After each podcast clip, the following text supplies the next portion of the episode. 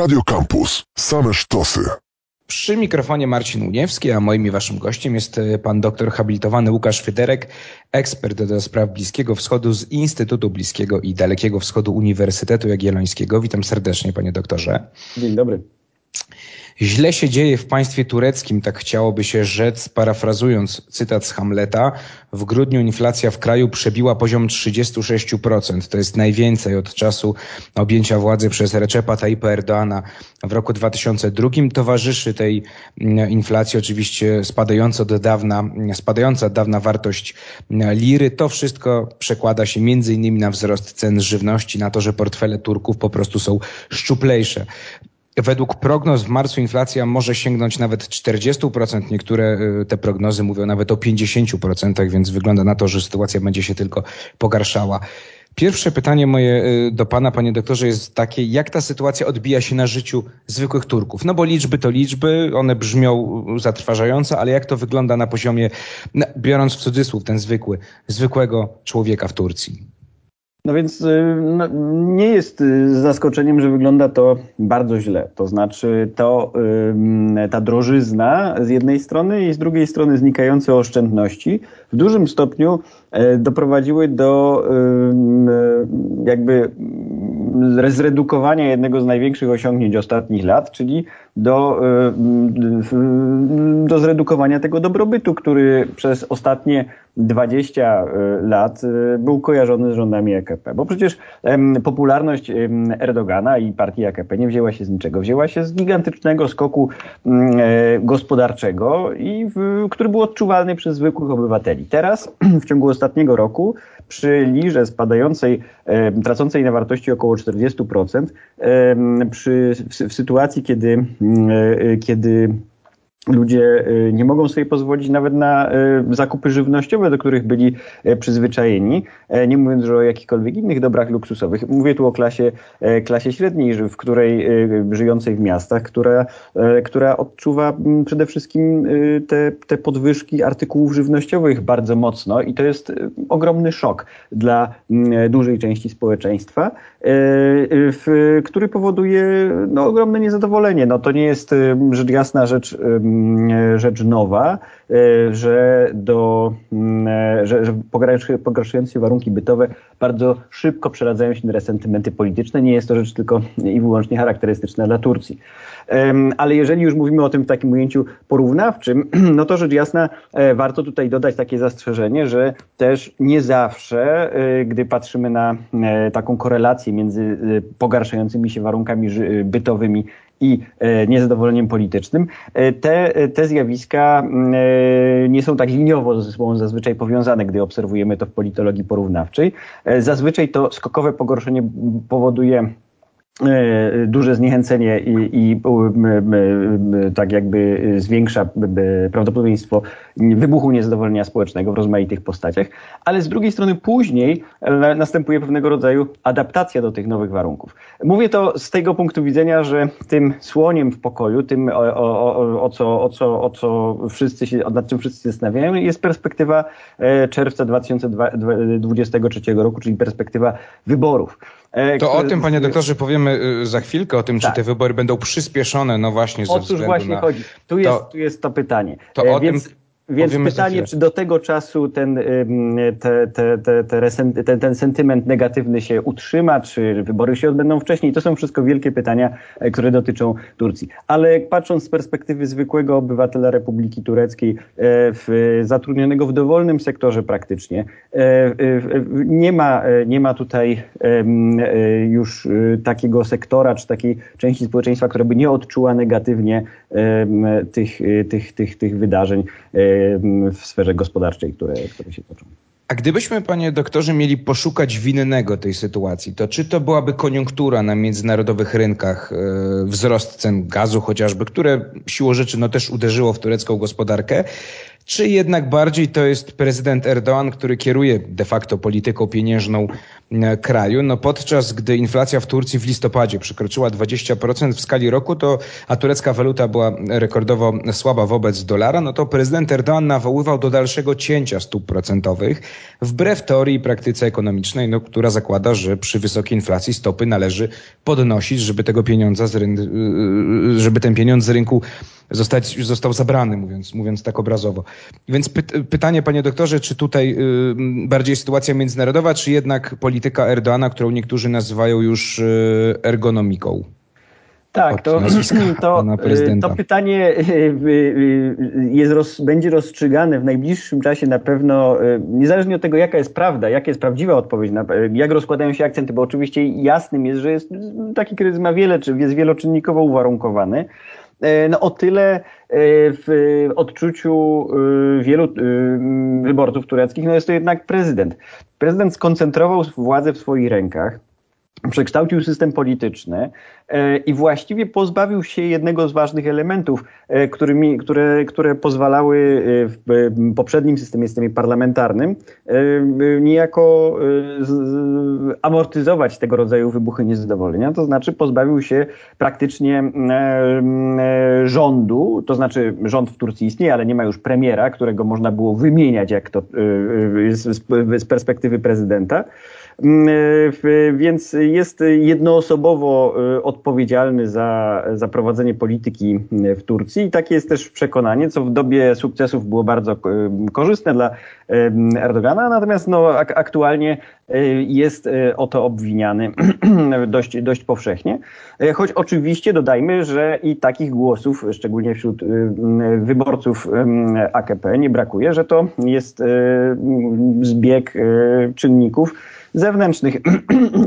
I to tylko nie, nie tylko takich e, powiedzmy neutralnych, tylko związanych z tym, że e, świat e, spiskuje przeciwko Turcji i, i, i jest to, nie jest to jakaś taka obojętna gra czynników rynkowych, tylko zaplanowany atak na lirę ze środowisk rozmaitych, nieprzychylnych Turcji, zazdroszczących Turcji jej wzrostów w sferze międzynarodowej. Takie, takie narracje się rzecz jasna, rzecz jasna pojawiają.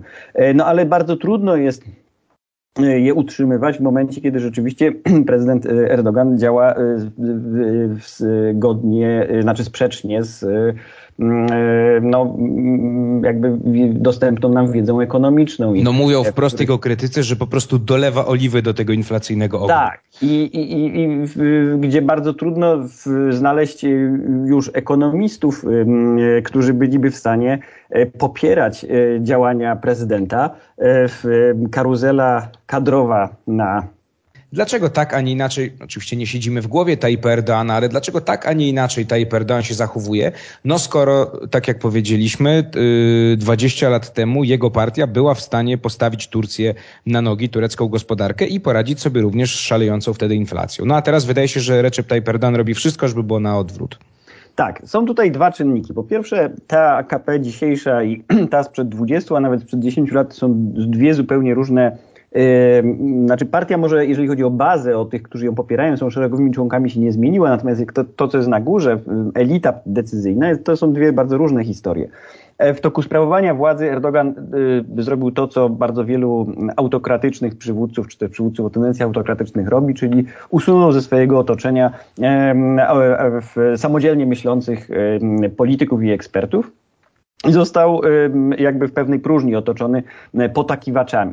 To jest pierwszy, pierwszy czynnik. Brakło ekspertów. E, I to jest charakterystyczne dla wielu procesów, gdzie mamy populistyczną politykę, e, w której popularni liderzy w pewnym momencie przestają kierować się radami ekspertów w dowolnej dziedzinie. To jest pierwsza kwestia. Druga kwestia to islam. Nie, nie siedzimy w głowie prezydenta Erdogana, ale możemy słuchać tego, co on e, mówi. On uzasadnia swój sprzeciw e, wobec, wobec podnoszenia e, stóp procentowych względami, które łączą się z islamem. No, przypomnijmy, że w islamie jest lichwa jest postrzegana jako grzech i taka też jest interpretacja prezydenta Erdogana, że podnoszenie stóp procentowych to będzie sprzyjanie lichwie i to jest nieislamskie, to jest sprzeczne z, nas, z naszymi zasadami. Koniec dyskusji. Dlatego stopy należy obniżać. W bardzo dużym skrócie to tutaj cytuję, natomiast no, takie wypowiedzi ze strony prezydenta się pojawiały i to jest bardzo ciekawe, bo pokazuje, e, pokazuje pewnego rodzaju napięcie, które, które, które dotyczy tu, tu, Turcji, tureckiego społeczeństwa, e, które przez ostatnie lata e, było przekonane o pełnej możliwości pogodzenia z sukcesem rozwoju gospodarczego i takiej muzułmańskiej, tureckiej drogi do dochodzenia do sukcesu gospodarczego. Aktualnie to, co się dzieje, każe Turkom e, przemyśleć to, czy rzeczywiście e, nie, nie, następuje tu kolizja. No bo e, polityka prezydenta uzasadniona względami religijnymi w sposób dość widoczny nie przynosi dobrych efektów gospodarczych.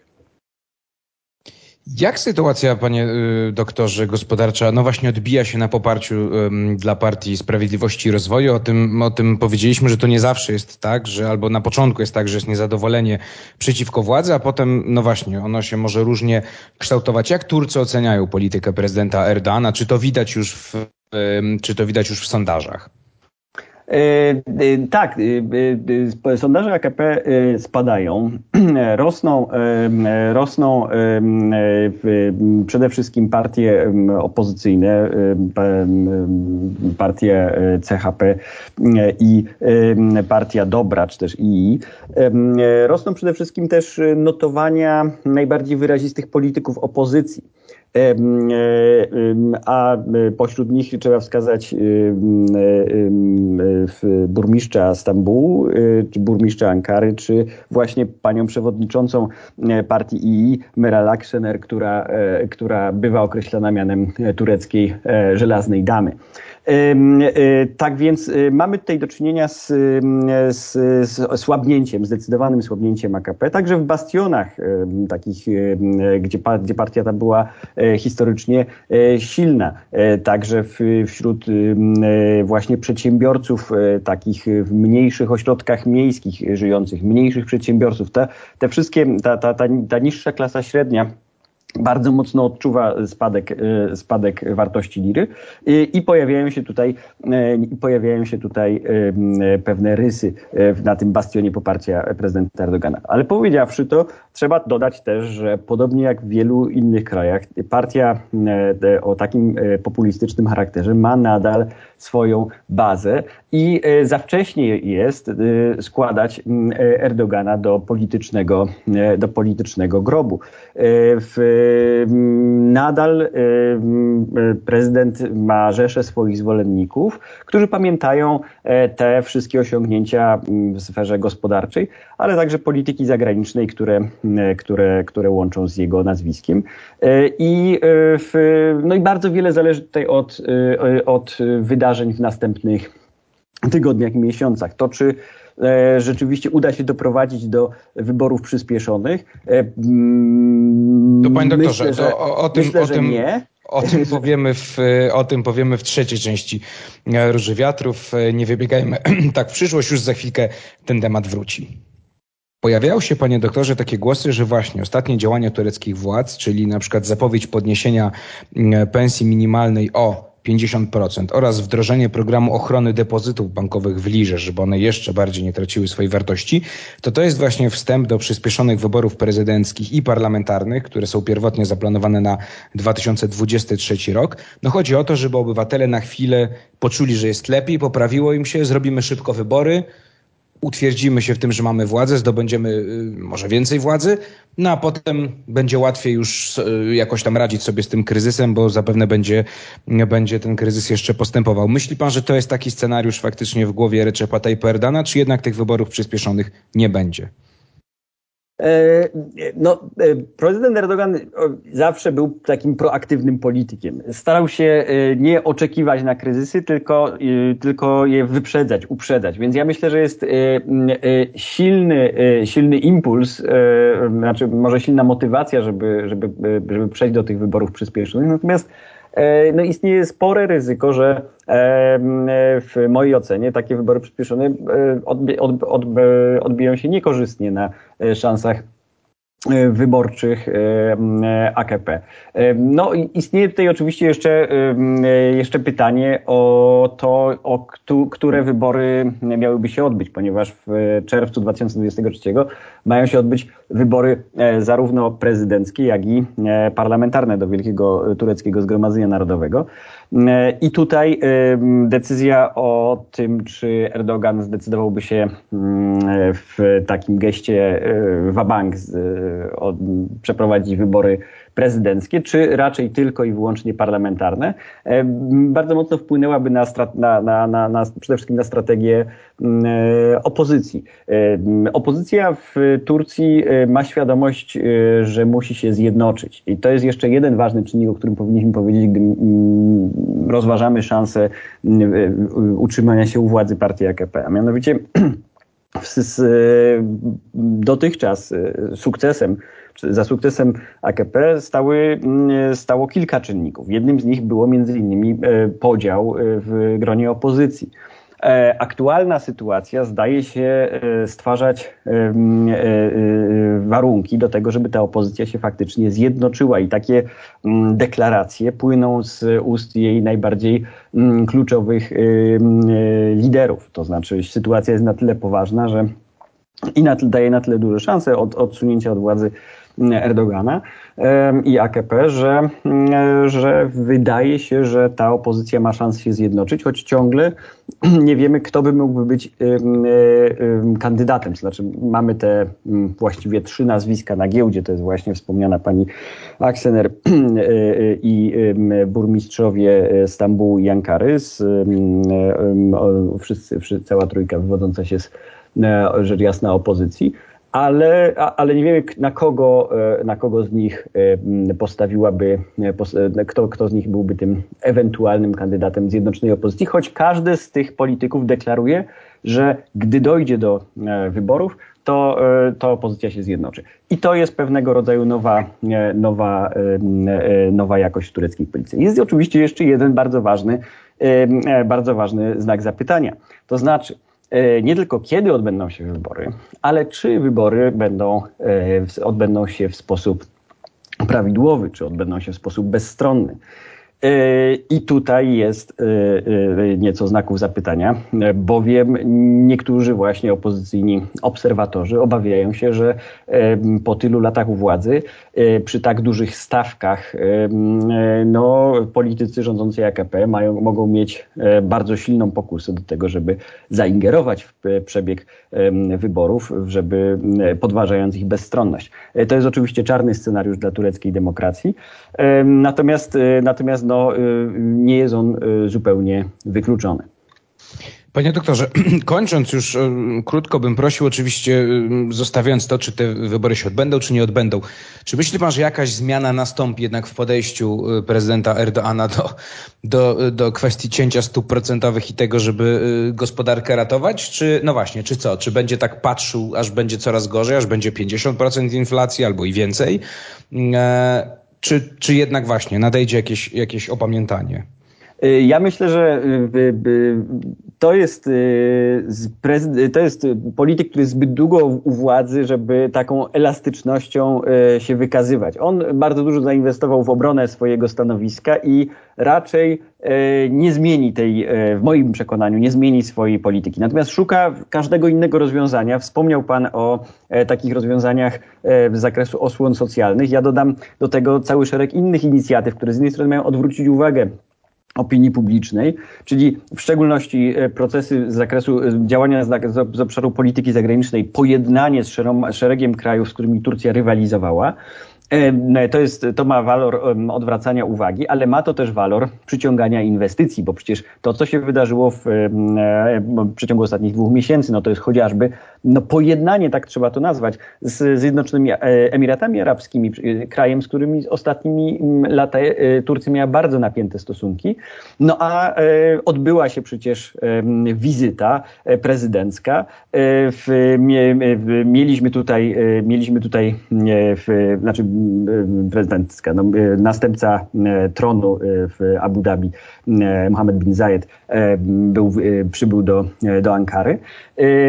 I ta wizyta niesie ze sobą też bardzo konkretne obietnice inwestycji emirackich i e, depozytów, co jest też bardzo istotne, e, emirackich e, w bankach tureckich. A zatem oprócz tych działań takich prosocjalnych, Erdogan będzie próbował ratować, ratować gospodarkę, obstając przy swojej nieortodoksyjnej polityce monetarnej, ale poszukując zastrzyków inwestycyjnych, zastrzyków finansowych, gdzie tylko będzie w stanie.